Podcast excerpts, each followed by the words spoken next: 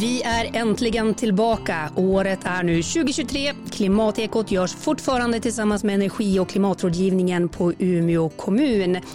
Och vi är mer taggade än någonsin att lyfta blicken från klimatdepp och istället blicka framåt med helt andra glasögon. För det kan inte bara vara jag som har hamnat i klimatångest efter valet. Från att ah, i alla fall ha en liten chans till att nå några klimatmål såg det plötsligt becksvart ut. Alla rubriker sa samma sak. Sverige kommer inte att nå målen. Men frågan är ju, är det så det verkligen kommer att bli? Det ska vi fundera på här idag, årets första avsnitt. Vi ska nämligen trendspana. Vad har 2023 att erbjuda?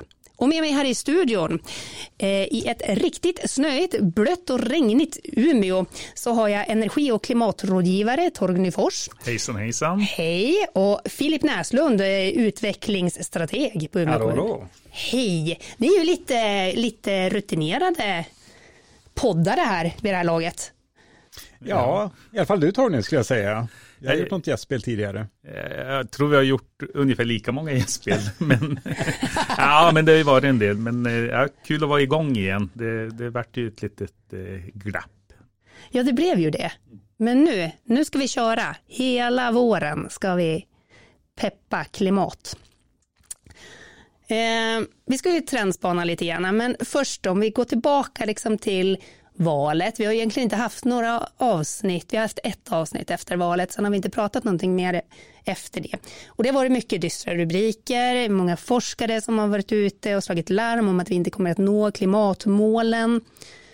Det kommer, allting blir dyrare så människor ropar på hjälp. Man behöver billigare bränsle, man behöver hjälp med att betala elräkningarna och så vidare.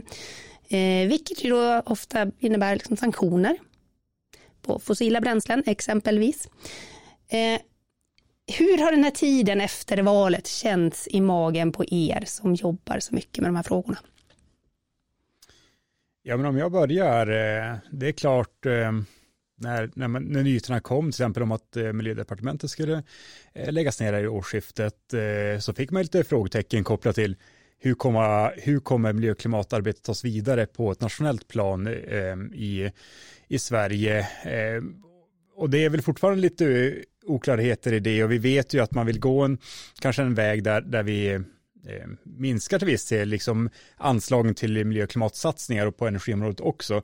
Och samtidigt har man ju på samma sätt ökar man ju på vissa delar för att säga att ja, men omställning är ju fortfarande viktigt och ser man på europeiska plan som vi ska prata om idag, där är det ju verkligen ingen, ingen inbromsning utan kanske tvärtom ännu starkare känsla av att vi måste gå framåt. Och det kanske har kommit ut från en säkerhetsfråga, att vi inte kan vara beroende av till exempel rysk olja och gas utifrån det, det, det krig som förs i Ukraina. Ja, jag kan ju hålla med där, på energi och klimatrådgivningen har vi haft en väldig ökning av frågeställande. Och visst, det spelar ju in väldigt mycket att saker blivit dyrare, men, men folk som ställer frågor är ju ofta att de vill ju också göra det som eh, blir rätt och inte bara pengarna i, i slutändan. Och de där hör ju ihop om man tittar lite långsiktigt på det. Så att eh, jag skulle säga att det, det händer saker. Mm. Har, du, har du burit med dig den känslan hela tiden här under hösten och vintern? Det har varit, alltså det har varit ganska intensivt med, med, med eh, frågorna. Jag, jag, tror att det har varit svårt att hitta reflektionstid under hösten. Mer på det sättet. Eh, med, ja, med både med utmaningar och att eh, folk vill ha lösningar. Och då hinner man ju som inte riktigt eh, ta tanketiden helt enkelt. Men det är ju ändå positivt tänker jag då att det blir lite business as usual och eh, faktiskt ännu mer. Ja, jag skulle säga ännu mer. Men ja. ja. Människor vill göra en omställning. Liksom. Mm. Men jag tänker lite grann på det att om det hade varit så att vi hade kommit längre i den gröna omställningen än vad vi faktiskt har gjort som samhälle och individer. Eh, hade vi så kanske varit i en annan sits när det kommer till ekonomi och till vårt beroende mot Ryssland och sådär. Alltså tror ni, hur mycket påverkar det? Ja, men från min sida, jag skulle väl säga att vi, vi ser ju nu att jag tror vi är inne i en stor omställning, ett paradigmskifte helt enkelt.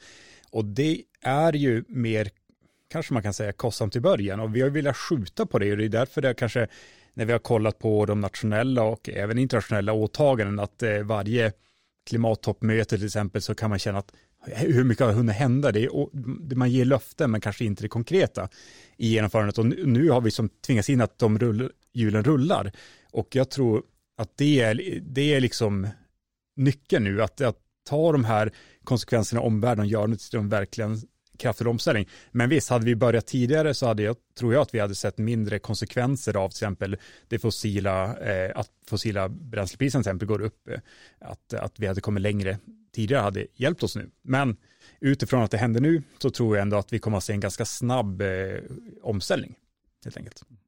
Jag, jag, jag tänker också att eh, det, är två sidor av det myntet. Visst, hade vi hunnit jättemycket långt framåt, då, då hade vi ja, suttit i en annan situation. Men hade vi bara hunnit lite mer framåt, då, då tror jag inte...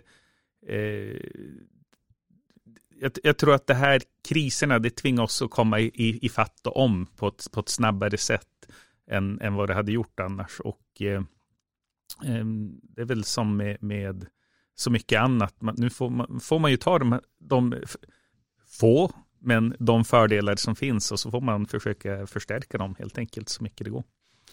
Och jag tror kanske att, eh, att vi skulle, jag tror det byggs in en medvetenhet också i att eh, vart kommer de, de resurser vi använder i, i vardagen ifrån? Jag tror att eh, det växer ju i debatten och kunskapsnivån höjs också i, då i samhället och hos gemene man. Att, ja men okej, hur många vet hur mycket vi importerar av liksom eh, mm, olja och gas från Ryssland. Jag tror innan kanske inte var så reflekterat utan man vet kanske att det går någon gasledning. Inte mycket mer.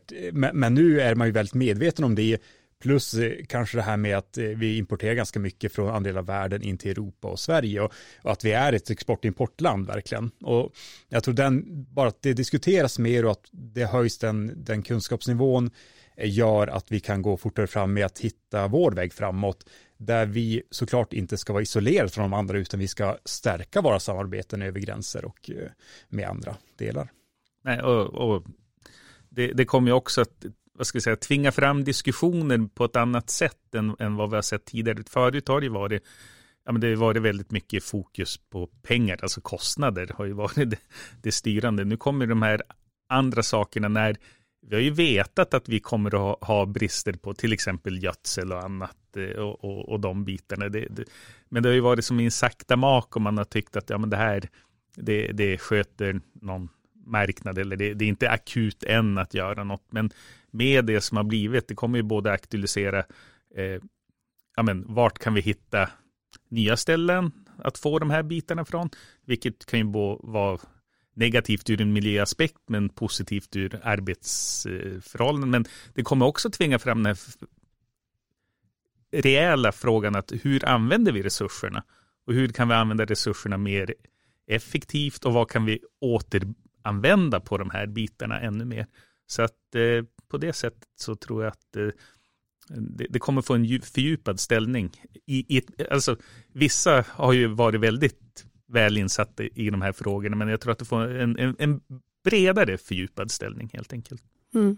Jo, men för helt plötsligt så är det ju nästan det enda vi pratar om. Det som vi har pratat om i några år nu i klimatekot, liksom hur, hur e- energieffektiviserar vi till exempel, eller hur solceller och så vidare. Och nu är det ju aktuellt för så otroligt många mer människor för det kostar också. Mm.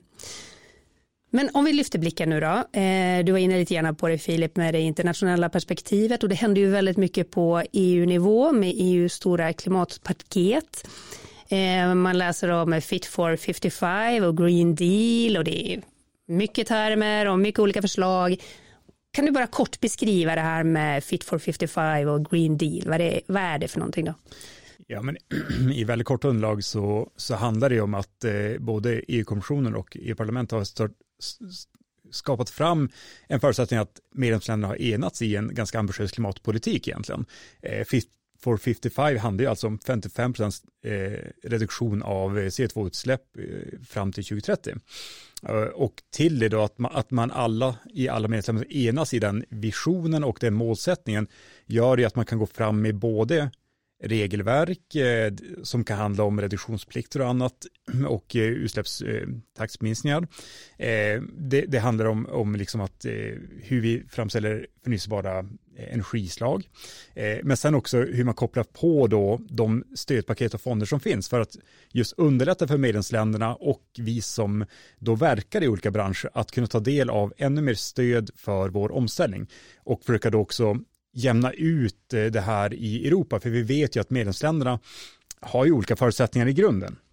Och eh, EU-kommissionen och eh, det här paketet med gröna given också, det vill ju brygga över alla och därför då Eh, ja, men man kan ju se till exempel att i vissa delar av eh, Mellaneuropa, Polen och lite fler länder där eh, har ganska stort oljekolberoende idag. De lever i, i ganska starka kolbälten men vill ställa om. Men då ser man också att där kan det ske förlust på arbetsmarknaden, man, man, behöver stöd för hur ska vi då ta in mer solcells, vind, eh, etc. Eh, för, att, för vår omställning och då kan det här paketen jämna ut också lite skillnader. Så det är både en rättvis aspekt och då en, en ganska stor klimatpaket och miljöpaket i sig. Det är inte bara klimat ska man säga, det är också giftfria markanvändning, vattendragen, att det ska vara liksom minska plast eh, i, som, som liksom förorenar. Så det finns lite andra delar, men klimatet kanske har fått störst eh, vad ska man säga, uppmärksamhet på slutet eh, utifrån att det är så, ja men vi är i en kris liksom. Mm. Kommer alla de här eh, förslagen som ligger, lagförslagen och det som redan har klubbats inom Fit for 55 att vara tvingande lagstiftning? Jag vet inte riktigt hur tvingande allt kommer att bli, men det är klart att eh, från målsättningar och förslagen ska det ju gå via eh, e EU-parlamentet för att bli klubbat lagförslag. Så att jag tänker att det är där någonstans man kommer att ske. Sen vet jag inte exakt hur långt man har kommit i alla, i alla delar. Precis, det är lite olika delar. Jag tror att de följer lite olika mönster från att det är, ja men här kommer det att trappas upp med eh, vissa avgifter till att ingen, ingen aning, men det kommer att se ut kanske på ett annat sätt på, på vissa delar. Ja, precis, för, för i många fall handlar det ju om av, avgifter, till exempel utsläppsrätterna och hur, hur det är. Um, men om vi pratar till exempel om reduktionsplikten, vi ska prata mer om utsläppsrätter lite senare, men om vi börjar med reduktionsplikten. Det har ju varit en väldigt het fråga här hemma i Sverige. Eh, där eh, regeringen innan valet lovade att kraftigt sänka drivmedelspriserna genom att bland annat minska reduktionsplikten till EUs miniminivå. Men det har visat sig att det kanske inte var så lätt som de har tänkt. Eh, det har kommit mycket mycket rop från forskare och eh, myndigheter och andra om att eh, det här gör att vi i Sverige inte når våra klimatmål till exempelvis och att det inte ger den som peng man hade förväntat sig. Eh, vad, vad, vad, tänker ni kring reduktionsplikten? Alltså, kommer det gå att genomföra liksom, om man då ser på vad, vad som också kommer från EUs håll? Så att säga? Alltså, jag, jag tänker på, det, återigen, det finns många aspekter där. Eh, reduktionsplikten är ett jätteviktigt verktyg för att vi ska nå klimatmålen. Och då kan man ju se det så här att det finns ju även andra verktyg och då måste vi ju använda dem mer. Men det är ju kanske inte så populära frågor heller, till exempel att eh, låta mer skog växa.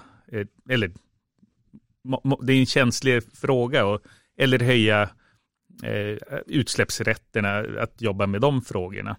Och alla, eh, beroende på vilken grupp av personer man pratar med. Så någonstans ska ju det här gå ihop och då flyttar man en fråga från en del till en annan, då kommer det att bli åtgärder där som hos vissa inte kommer vara populära. Och någonstans måste man ju hitta en, ja men, eh, en väg som, som ska gå framåt. Och till det, då kommer ju de här bitarna att ja, vi, vi, har, vi, nu har man sagt EUs minimigräns, men den kommer ju höjas också, så att vad vi får blir mer eller mindre ett, ett hopp bakåt och sen ska vi hoppa framåt, vilket många företag som håller på med det här, då, då ska de backa och sen ska de gå tillbaka plötsligt. Och det blir inte heller riktigt eh, lätt för dem. Så att eh, eh, jag, jag, nu tappar jag lite vad jag skulle komma fram till där, men, men man kan jobba på olika sätt där och eh, inga inga beslut är, är vad ska jag säga, o, oåterkalleliga eller att de ger att det inte går att justera åt olika håll, men det påverkar ju andra beslut. Det är väl det ena. Jo, men precis.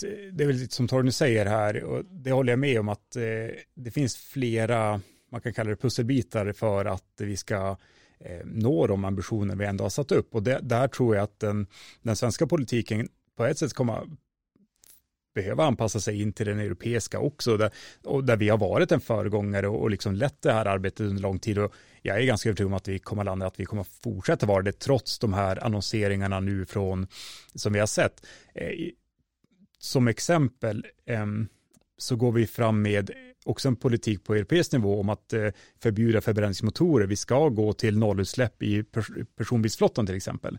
Och, och, det är redan genomklubbat. Eh, och, och liksom när vi, när vi börjar nå de målåren mot 2035, ja då kommer vi se att eh, elektrifiering, vätgas, kanske biogas i Sverige, vi får se lite grann där. Eh, vi vet, som vi vet idag är nuvarande tekniker, kommer också påverka hur vi ställer om och då blir ju reduktionsplikten fortfarande viktig såklart, för vi är en ganska stor del som används i andra fält av just eh, eh fossila drivmedel som vi behöver ställa om. Men, men jag menar bara att där, där kommer det komma in andra, andra ja, åtgärder som kommer att hjälpa oss i den här riktningen. Så jag tror att eh, jag tror jag håller, jag håller med Torgny, liksom att eh, vi kommer följa en väg att vi ska eh, blanda in mer förnyelsebart i de drivmedel vi har, men sen kommer det också nya. Nej, och, och, som sagt, om vi nu märker att vi, vi inte når målen, då kommer vi ha böter som vi måste betala in till. Och det, det är ju inte heller, vad ska jag säga, en förtjänstfull väg framåt att lägga, göra utlägg och inte, inte nå målen. Och då tror jag att då, då, väljer man ju, ska man ändå göra ett utlägg, då vill man ju nå målen. Så jag tror att det kommer ändå tvinga fram att man, man jobbar med det här. Och, och, jag vill bara säga att vi har ju sett även i, när vid senaste valet att flera företag och organisationer var långt framme flera hundra av dem i Sverige och sa att vi har redan gått den här vägen, det här är vår kärnverksamhet och vi kommer fortsätta göra det oavsett den svenska politiken kring det för vi ser att det här är, det här är vår överlevnad som företag. Vi måste gå den här omställningsvägen. Så att jag tror att det finns tryck från näringslivet också som kommer att göra att vi, vi ska nog inte vara alltför dystra i att vi, vi inte kommer ha en, en stor position i att eh, föra Sverige och Europa framåt i klimatfrågan. Mm. För även om det inte händer på den nationella politikens sida så händer det i andra delar av samhället. Ja, men eh, det, det kommer ju hända i företagen och lokalt ändå. För att ska man överleva som ett exportföretag då, då måste man jobba med de här frågorna. Det, det är enda sättet framåt. Och, och jag skulle vilja säga det att vi, vi här från Umeå sida eh, oavsett den nationella politik som vi ändå såklart påverkas av och samspelar med så har vi också den, den europeiska planfältet som, som har flera ambitiösa satsningar. För de har ju också sett att städer, regioner kan gå snabbare fram än hela eh, medlemsstater. Och där tror jag, oavsett vilken stat det är, eh, så att, så att de har märkt att här sker det ju på lokal nivå, det är där omställning händer, det är där människorna finns, det är där innovationerna finns, så att jag tror att eh, driver vi på så, så kommer det hända oavsett skulle jag säga. Mm. Vi ska prata mer om den lokala nivån. Vi ska, det finns mycket att prata om där. Men om vi håller fast lite grann kring vad som händer internationellt. Eh, bara för att nämna några av de alltså fler förslag som finns inom det här Fit for 55. Eh, det är alltså utsläppsrätter eh, som ska bli dyrare, eller de kommer bli dyrare mest troligt. Eh, kraven på kolinlagring kommer att öka. Torgny, det var det här du var inne på lite grann med om man ska låta skogen stå istället. Ja, jo, men det är, det är en, en pusselbit att jobba med det. Och, eh, där har man ju varit ganska drivande på EU att vilja ha ökad mängd skog och då pekas ju egentligen Finland och Sverige ut i, för vi har ju skogen här också. Eh, och eh, ja, det kommer att påverka, så är det. Och där vill ju EU gå betydligt längre än vad Sverige vill. Mycket längre. Mm. Kommer det bli så tror du Filip? Är det EU som får sista ordet? Ja, det är en svår fråga att svara på faktiskt. Eh, och, och, på ett sätt kan man ju se att vi eh, i Sverige har ju också valt, och även i Finland, en väg där vi också kollar på mycket träbyggnader och, och liksom konstruktioner för att kolinlagra i byggnader och det är ju något som slår igenom ganska stort nu och eh, vi, vi, vi lever ju också på ett sätt på att skogsbruket ska kunna ge oss eh, biobaserade drivmedel etc. som för många av våra färdplaner vi har i Sverige, om man kollar på eh, fossilfritt Sverige till exempel, många färdplaner bygger också lite grann på förflyttningen till skogsråvaror för, för liksom energislag och eh, byggnader. Så att det där är lite svårt att svara på. Jag tror att eh, man behöver nyansera bilden till viss del att eh, man kan ha ett aktivt skogsbruk förenat med att kanske skydda mer skog också då, men att ja, jag vågar inte svara. Det, är, det där är verkligen en diskussion under pågående så den är svår. Jag, jag, jag är splittrad själv lite i, i, frågan kan jag säga. Ehm, jag ser absolut att vi kan behöva bevara och eh, skydda för både biologisk mångfald som vi också har stora utmaningar i att, att ha och eh, men också de här, den här förflyttningen vi behöver göra i, i liksom energislag. Så att, äh, ingen lätt fråga. Nej, men, men äh, å, återigen, ä, även om vi nu skyddar, eh, vad ska jag säga, skyddad skog i mer utsträckning kommer vi också att behöva använda skog i större utsträckning. Och det kan leda till ganska intressanta lösningar på båda sätt. Det finns ju, finns ju utredningar att återigen, det kommer biologisk mångfald in också, men, men kollar man rent på avkastning då kanske det, kanske det inte är så självklart att det blir EU-linjen e som säger att man ska minska kalhyggen, för där har man ju en ganska bra tillväxt till exempel. Men det blir flera frågor som ska stötas och blötas och jämkas och eh, hur, egentligen vilken grundåsikt man än har om eh, klimat, miljö, pengar och så, så, är det inte bara en fråga där som, som eh, nå, någonstans måste man ur vilken syn man än ser komma med någon kompromiss för att få ihop en helhet och det gäller ju både EU och Sverige också i den biten. Mm. Eh, klimattullar är ju en annan del som det pratas om. Eh, Filip, berätta.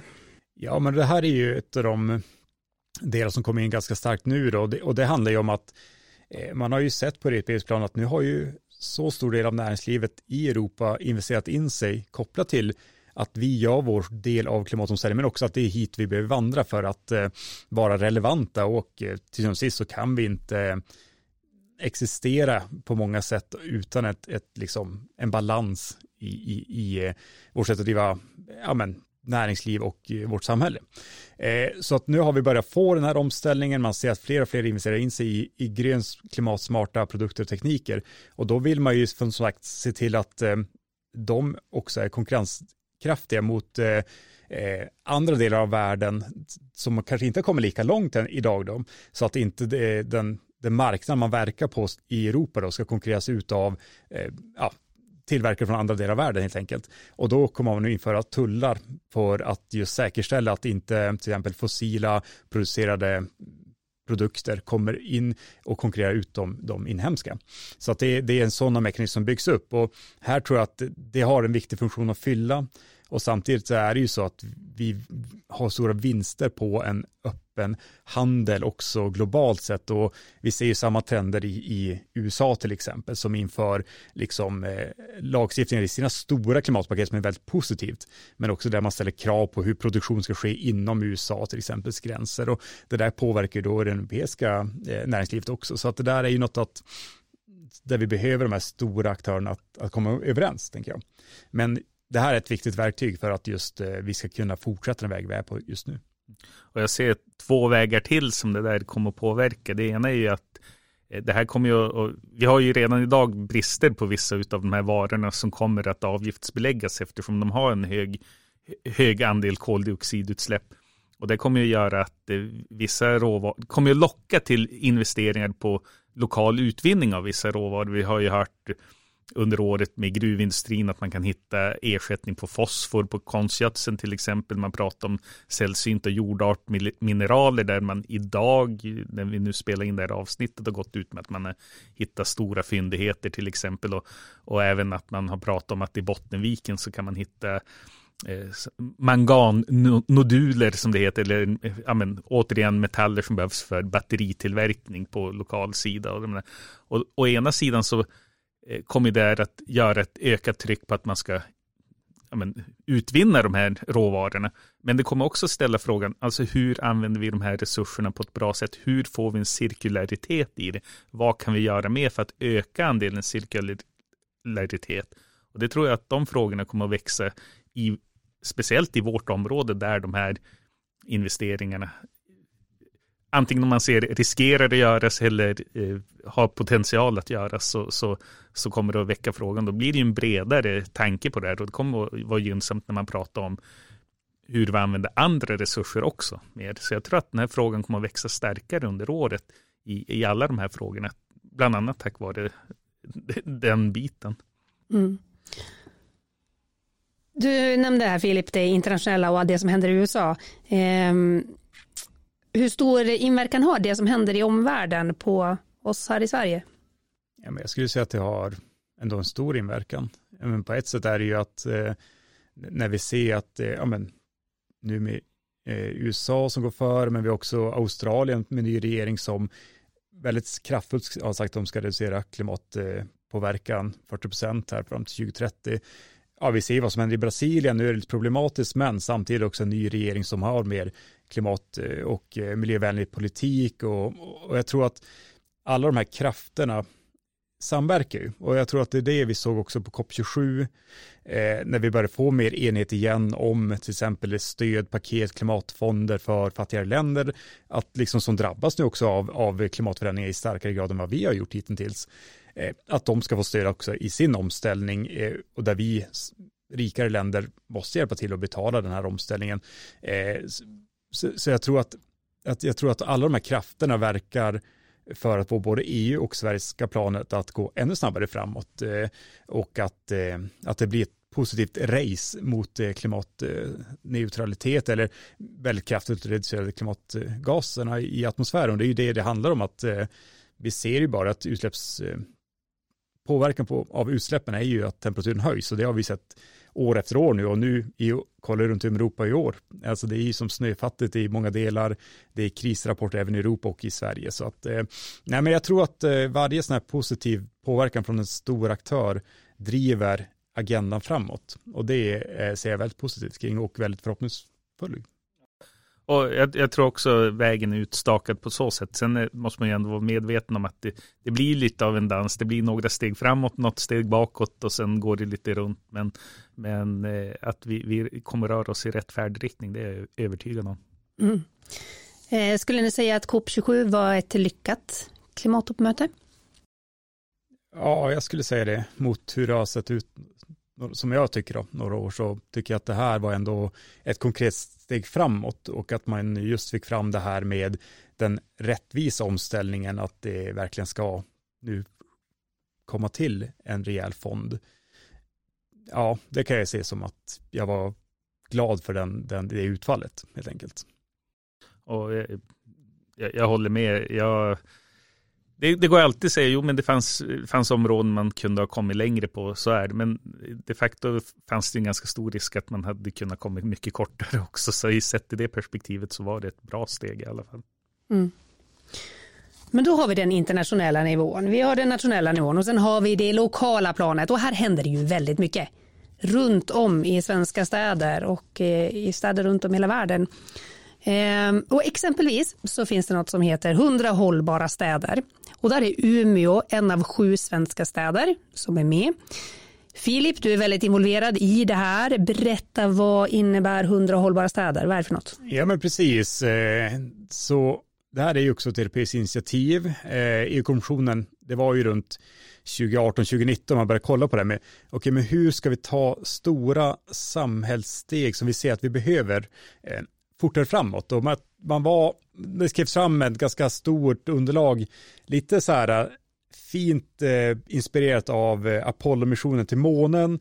Okej, okay, det var ju helt annan sak såklart, men man, där hade man ju sett att eh, det är inte bara en rent teknisk del, eller det var ju väldigt mycket tekniskt där, men det handlar också om hur man hade tävlingar på hur kläderna skulle fungera och det var sömmerskor involverade, det var hela, liksom, ja, hela USA där slöt ju upp kring den missionen och verkligen fick fram det där på tio år i princip. Eh, och det är ju någonting man tog lite inspiration av och sa, okej, okay, men vad behöver vi lösa, fast inte för den här typen av åka till månen tekniskt, utan mer samhällsutmaningar. Och då såg man ju att ja, men det här med klimatneutralitet, det är ju något vi måste gå framåt med snabbare som vi har pratat om. Och då lanserar man att ja, men vi vill ha fram 100 städer i Europa som till 2030 faktiskt lyckas bryta de här största barriärerna. Och eh, vad man vill göra är att ta, det finns ett ganska stort Horizon-projekt eller program och det är ju forskning och innovationspengar egentligen eh, i Europa. Och så vill man börja rikta de här, att forskning, innovation, samhällsutmaning ska börja komma ihop bättre, ännu bättre. Så, och det är liksom det grunden av deras finansieringsstöd där vi har kommit med. Sen har de också en för klimatanpassning, rena hav, giftfria marker för livsmedelsproduktion och bekämpa cancer. Så det finns fem sådana här stora utmaningar man har, man har lanserat. Men vi är i alla fall med i den här om klimatneutralitet och eh, nu tittar vi också på att kanske komma med på det med klimatanpassning. Men, men det viktigaste här är ju att eh, just ta hem lärdomar, kunskap och eventuellt också en del finansiering. För att vi här i Umeå och nu har vi också vänner genom det här Viable Cities paraplyet i Sverige där sju städer fick finansiering och komma med i missionen då att, att hitta verktygen eh, och med, inte bara som kommun utan då med oss som bor, verkar, lever här i Umeå. Hur vi alla kan känna att det här är något för oss. Vi har våra företag och organisationer som också kan då ansluta sig och sen gå framåt. Så det, det är liksom det som började tratta ner på riktigt här under förra året, då, 2022. Mm. Och vad jobbar ni med eh, rent konkret där nu då? Ja, men en sak jag var jätteglad över eh, här i december var ju att vi hade ett, eh, vi kallar ett litet eget klimattoppmöte, där vi fick då 37-38 företag och organisationer att ansluta sig till Umeås klimatfärdplan. Och här har vi identifierat tre, fyra nyckelområden. Det handlar om hur får vi minskar vi klimatavtrycken från transporter, mobilitet som en stor del. Hur jobbar vi med eh, hållbar konsumtion, cirkulär ekonomi, cirkulärt byggande. Eh, och sen är det ju det här med eh, ja, energi, eh, både produktion men hur vi använder energi och, och avfallsfrågan med plaster liksom. Man fick fram att det här är våra stora utmaningar. Nu kan alla ansluta sig för att liksom, vi har lite olika eh, kanske sidor av det, mandat att ja, men jag kan hjälpa till på det här sättet och hitta fler som vill göra samma åtagande och då hjälps vi åt på ett smartare sätt här i, här i Umeå. Eh, så jag var väldigt glad över den respons vi har fått och eh, fortsätter få. Är det någonting som man då kan, kan alla företag som vill ansluta sig till där i Umeå? Ja men precis, det är som tanken att, att nu kan vi, nu har vi fått en grupp som gick in först och vi håller fortfarande på att bygga upp liksom strukturerna runt det. Eh, men nu kan alla ansluta sig, det går att gå in och söka på Umeå kommuns klimatfärdplan och så kan man läsa det hur man ansluter sig.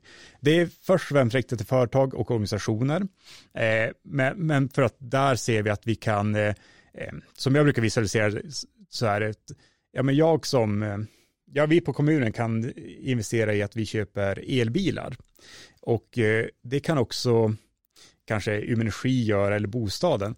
Eh, sen kanske några väljer att ja, men vi vill gå åt vätgashållet eller någon vill gå mot biogashållet och som kommun försöker vi som skapa system som funkar så bra som möjligt för många liksom.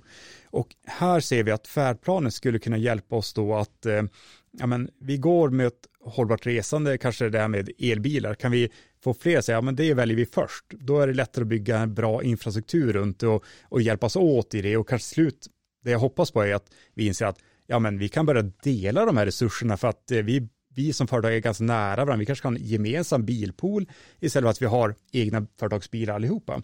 Alltså att man kan hitta de här oväntade synergierna. Det är väl där jag hoppas att vi ska landa. Men nu är vi som i startpunkten och, och liksom konkretisera det här samarbetet. Ja just det, så man kommer liksom in, de här företagen som nu anslutit sig kommer att samarbeta för att försöka hitta lösningar. De, det är inte så här egna öar som jobbar Nej, men det, Precis, det vi, det vi säger är ju att äh, du som företag Eh, vi förväntar oss att du har något typ av miljö och klimatarbete på plats. Men sen har vi sagt att det ska vara väldigt låga trösklar in. Vissa kanske vill börja med kunskapsinhämtning. Ja, men det här är lite nytt för oss, vi känner på ämnet, vi börjar mäta våra utsläpp, hitta våra egna åtaganden. Det är också okej. Okay. Men sen har vi företag som är beredda att ja, men vi ska gå mot just eh, inköp av elbilar. Kan vi hitta fler som gör samma sak? Kan vi samarbeta? Få fler att bygga laddstolpar? Ja, men då är det bra. Så att man kommer utanför sin egen bubbla och säger hur får vi störst nytta för Umeå där vi kan tjäna på det. Vi behöver inte göra allting själv. Ja, nej. Jag har inget att komplettera med på det viset, men, men jag ska bara säga att det är många företag som, som är jätteintresserade av de här frågorna. De vänder sig till olika nätverk, men alla är ju väl, välkomna in i, i den biten också. Men även om man nu kanske, jag vet inte, orolig eller vill, vill man vill inte förbinda sig på det sättet så, så kan man ju ändå få hjälp att titta på sin, sin ja, men, klimatpåverkan och vad man kan göra för energibesparande åtgärder genom till exempel kontakta oss på energirådgivningen. Men det finns i, i och med det här projektet har kommit in så finns det även andra aktörer som ger just nu kostnadsfria rådgivningar på det här till företag Och det är, det är jättebra, ju fler som, som gör någonting, oavsett om man har skrivit på eller inte, bidrar ju till det här. Sen tror jag att den rätta vägen framåt är ju att ha så många med som möjligt på det mm. kontraktet. Men jag tänker, vad är det man förbinder, om man, skulle, om man går med i ett sånt här, eh, skriver under det här avtalet mer, så att säga, vad förbinder man sig till då? Vi pratar ju ofta här i Klimatekot, så här, ska man vara perfekt? Måste man, måste man göra allting rätt? Liksom? Är det det man förbinder sig till att, okej, okay, men nu ska vi vara perfekt som företag här?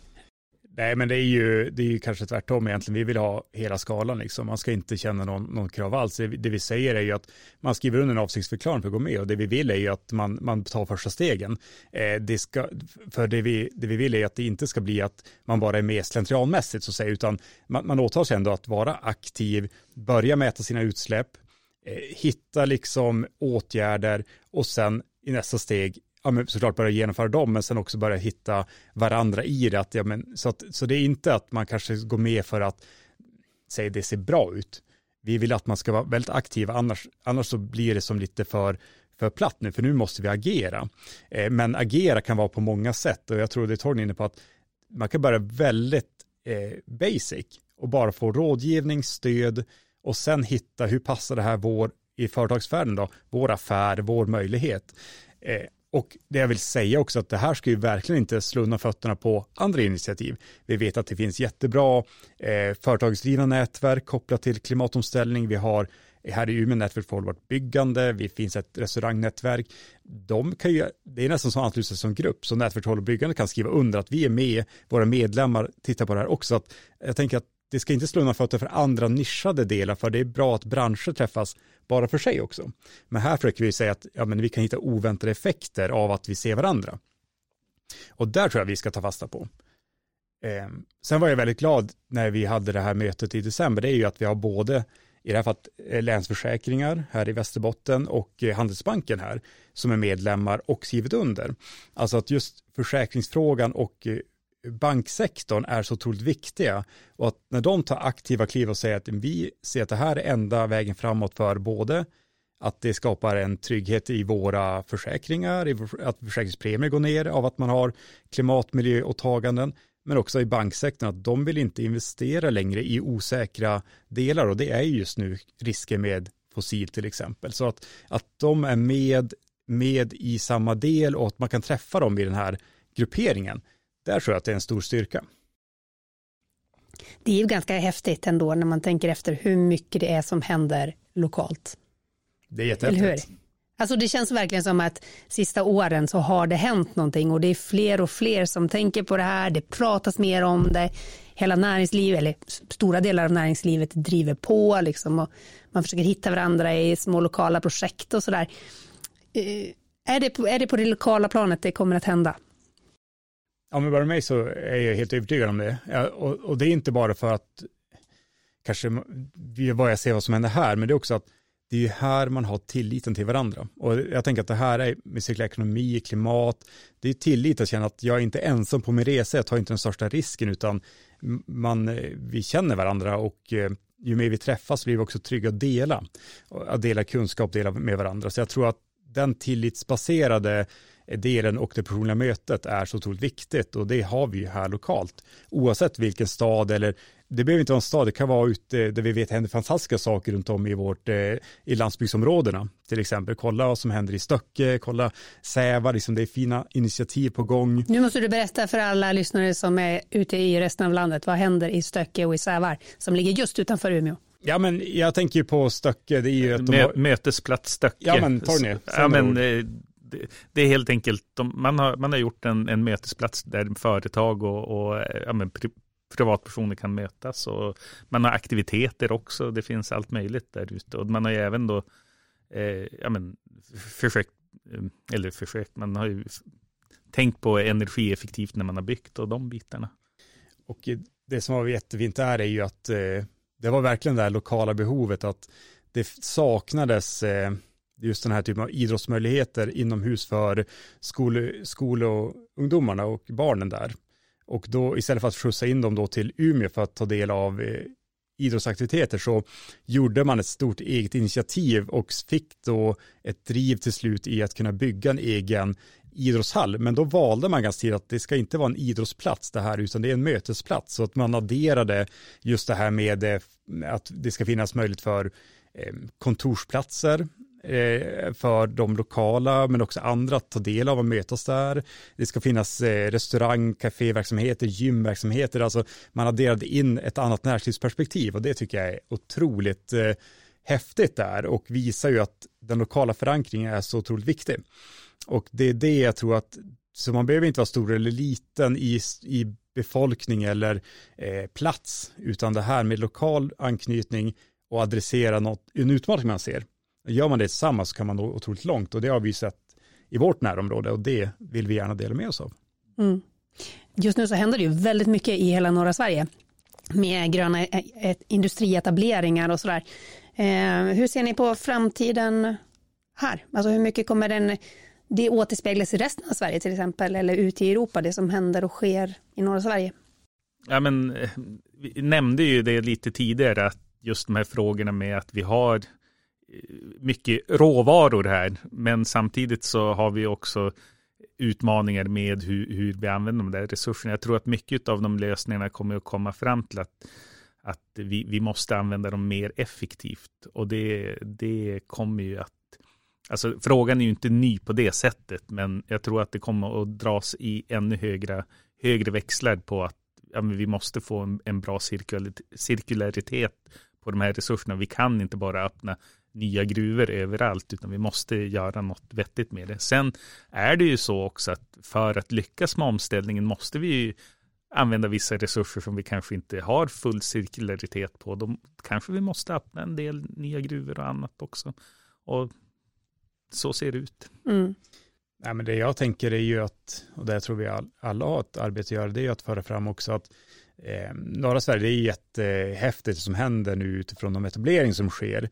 Eh, det jag tror vi behöver föra fram väldigt starkt utåt, eh, även i Sverige men också till EU-planet. Det här är ju väldigt livskraftiga, fina platser och städer där vi bor och verkar. Alltså det här är en plats för människor.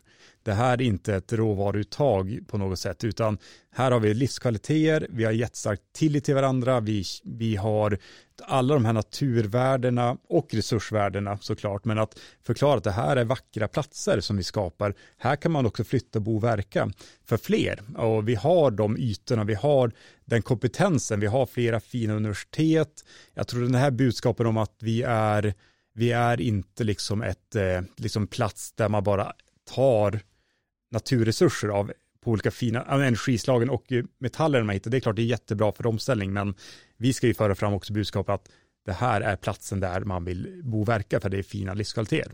Och vi vill ju stärka dem för de som bor och verkar här. Och jag själv sitter med ett samarbete med eh, alla sex största städer i norra Sverige, från Luleå till eh, och Östersund till Sundsvall. Och där vi alla adresserar samma saker. Det handlar om det här med livskvaliteter, att också få upp fler att förstå att här, vi behöver kompetens och vi behöver kompetensförsörja våra industrier men också offentlig sektor. Och jag tror de här stora industrisatsningarna kan hjälpa till, men vi tror vi måste verkligen prata om det, det andra, så att säga, det, det, de mjuka fina värdena här uppe. Mm. Och, och i de här, men, både satsningarna och de, de nätverken, eh, just det Filip lyfter fram där med att det ser man ju ännu mera samarbeten mellan de, de norra universiteten och alltså kunskapspåbyggnaden som det möjliggör. Och, och det tror jag också är en sak som, som ja, men inte bara övriga Europa har nytta utav. Det kommer att ge, ge nytta i, i hela världen vad, vad de kommer att ta fram och ta fram tillsammans. Det, det tror jag är väldigt bra att lyfta. Mm. Sen bara för att knyta an till, till en, en, en annan punkt. Vi hörde ju mycket nu under under krisen med pandemin som var för några år. Ja, vi, vi knappt kommer ur någon gång helt enkelt. Men då, då, är det alltid, ja men kris börjar i en kommun, men samtidigt då, jag skulle säga, här ser man ju också möjligheterna börjar i en kommun. Och det är, det är de frågorna som, som kommer helt enkelt ännu mer. Mm. Avslutningsvis då, vad tror ni att 2023 har att bjuda på när det kommer till klimatpolitik, klimatfrågan, klimatengagemang? Ja, men min spaning är, ja, men jag är väldigt eh, förhoppningsfull för 2023. Jag tror det kommer hända väldigt, eh, väldigt mycket faktiskt. Jag, jag, på lokalen måste säga att vi har satt ganska mycket strukturer. Nu är det dags att genomföra. Jag ser att den viljan finns till att gå till ett genomförande, att just eh, gå från ord till handling på ett, på ett faktiskt sätt. Och jag tror vi kommer att se det inom eh, cirkulärt byggande, vi pratar eh, återbruk, eh, de delarna tror vi kommer att bubbla upp ganska mycket här. Och det tror jag kommer att få spinningar till eh, över även i vår region, vi, vi pratade just innan här, eh, podden också om eh, återvinning av batterier till exempel som kommer ut, öka från en låg nivå men ändå så här komma, och de regelverken kommer fokusera på de typen av flöden. Jag tror också att utifrån det här att vi ser den här omställningen av energisektorn, att det verkligen mot året, men också kommer att spinna över mot kommande år, kommer att ske snabbare och snabbare till, till en utfasning av fossila drivmedel till exempel. Så utifrån det och det jag ser på europeisk plan så är jag ganska förhoppningsfull om att vi, vi kommer att se ganska kraftfulla genomföranden oavsett eh, vad vi kanske har sett eh, ibland rent eh, retoriskt utfört. Så, så jag, jag är väldigt hoppfull.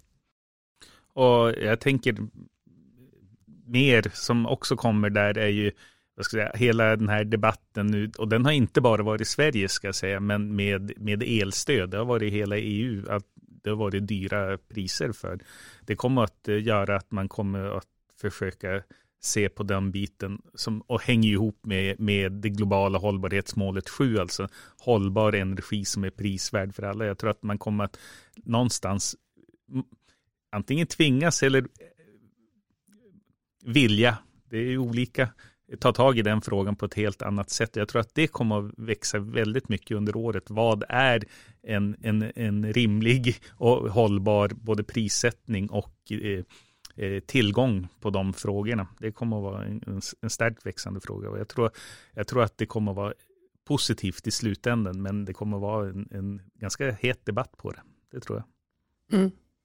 Ett sista ord från mig kanske, det är ju att jag tror också det här med att Eh, vi ska inte tro att vi sitter på de här svaren själva. Och det är någonting jag känner verkligen att det är, eh, den, den delen har kommit väldigt starkt, att nej, det är ju att ta den bästa kunskapen vi har, förädla den med varandra. Det är både de partnerskap, och nätverk vi sitter med i Sverige, men också europeiskt och sen runt om i världen, för det är inte bara så att de europeiska lösningarna är alltid de, där det händer, utan vi måste kunna ta till oss av och stöta och blöta med andra delar av världen också i de här frågorna. Så att det, och det ser jag händer, så det, det är jag väldigt glad för att vi har starka partnerskap eh, runt om. Eh, så att det tror jag verkligen starkt på under 2023 också. Att det leder, man kan tro att, men det leder till att eh, den ökade kunskapsnivån och sen på det sättet möjliggör genomföranden som är de bästa vi har idag i en förändlig liksom, teknisk era. Mm. Gud vad kul, nu känner jag i alla fall äntligen lite klimatpepp. Hur känner ni? Jajamän, nu kör vi. Är ni 2023. Nu kör vi 2023, det är nu det ska hända. Och kul också att få vara igång med klimatekot igen. Och nu ska vi köra poddsläpp varannan torsdag. Eh, och jag hoppas att du som har lyssnat kommer att hänga med oss här under våren. Filip och Torgny, tack för att ni var med i första avsnittet. Alltid lika kul att prata med er. Tack så mycket.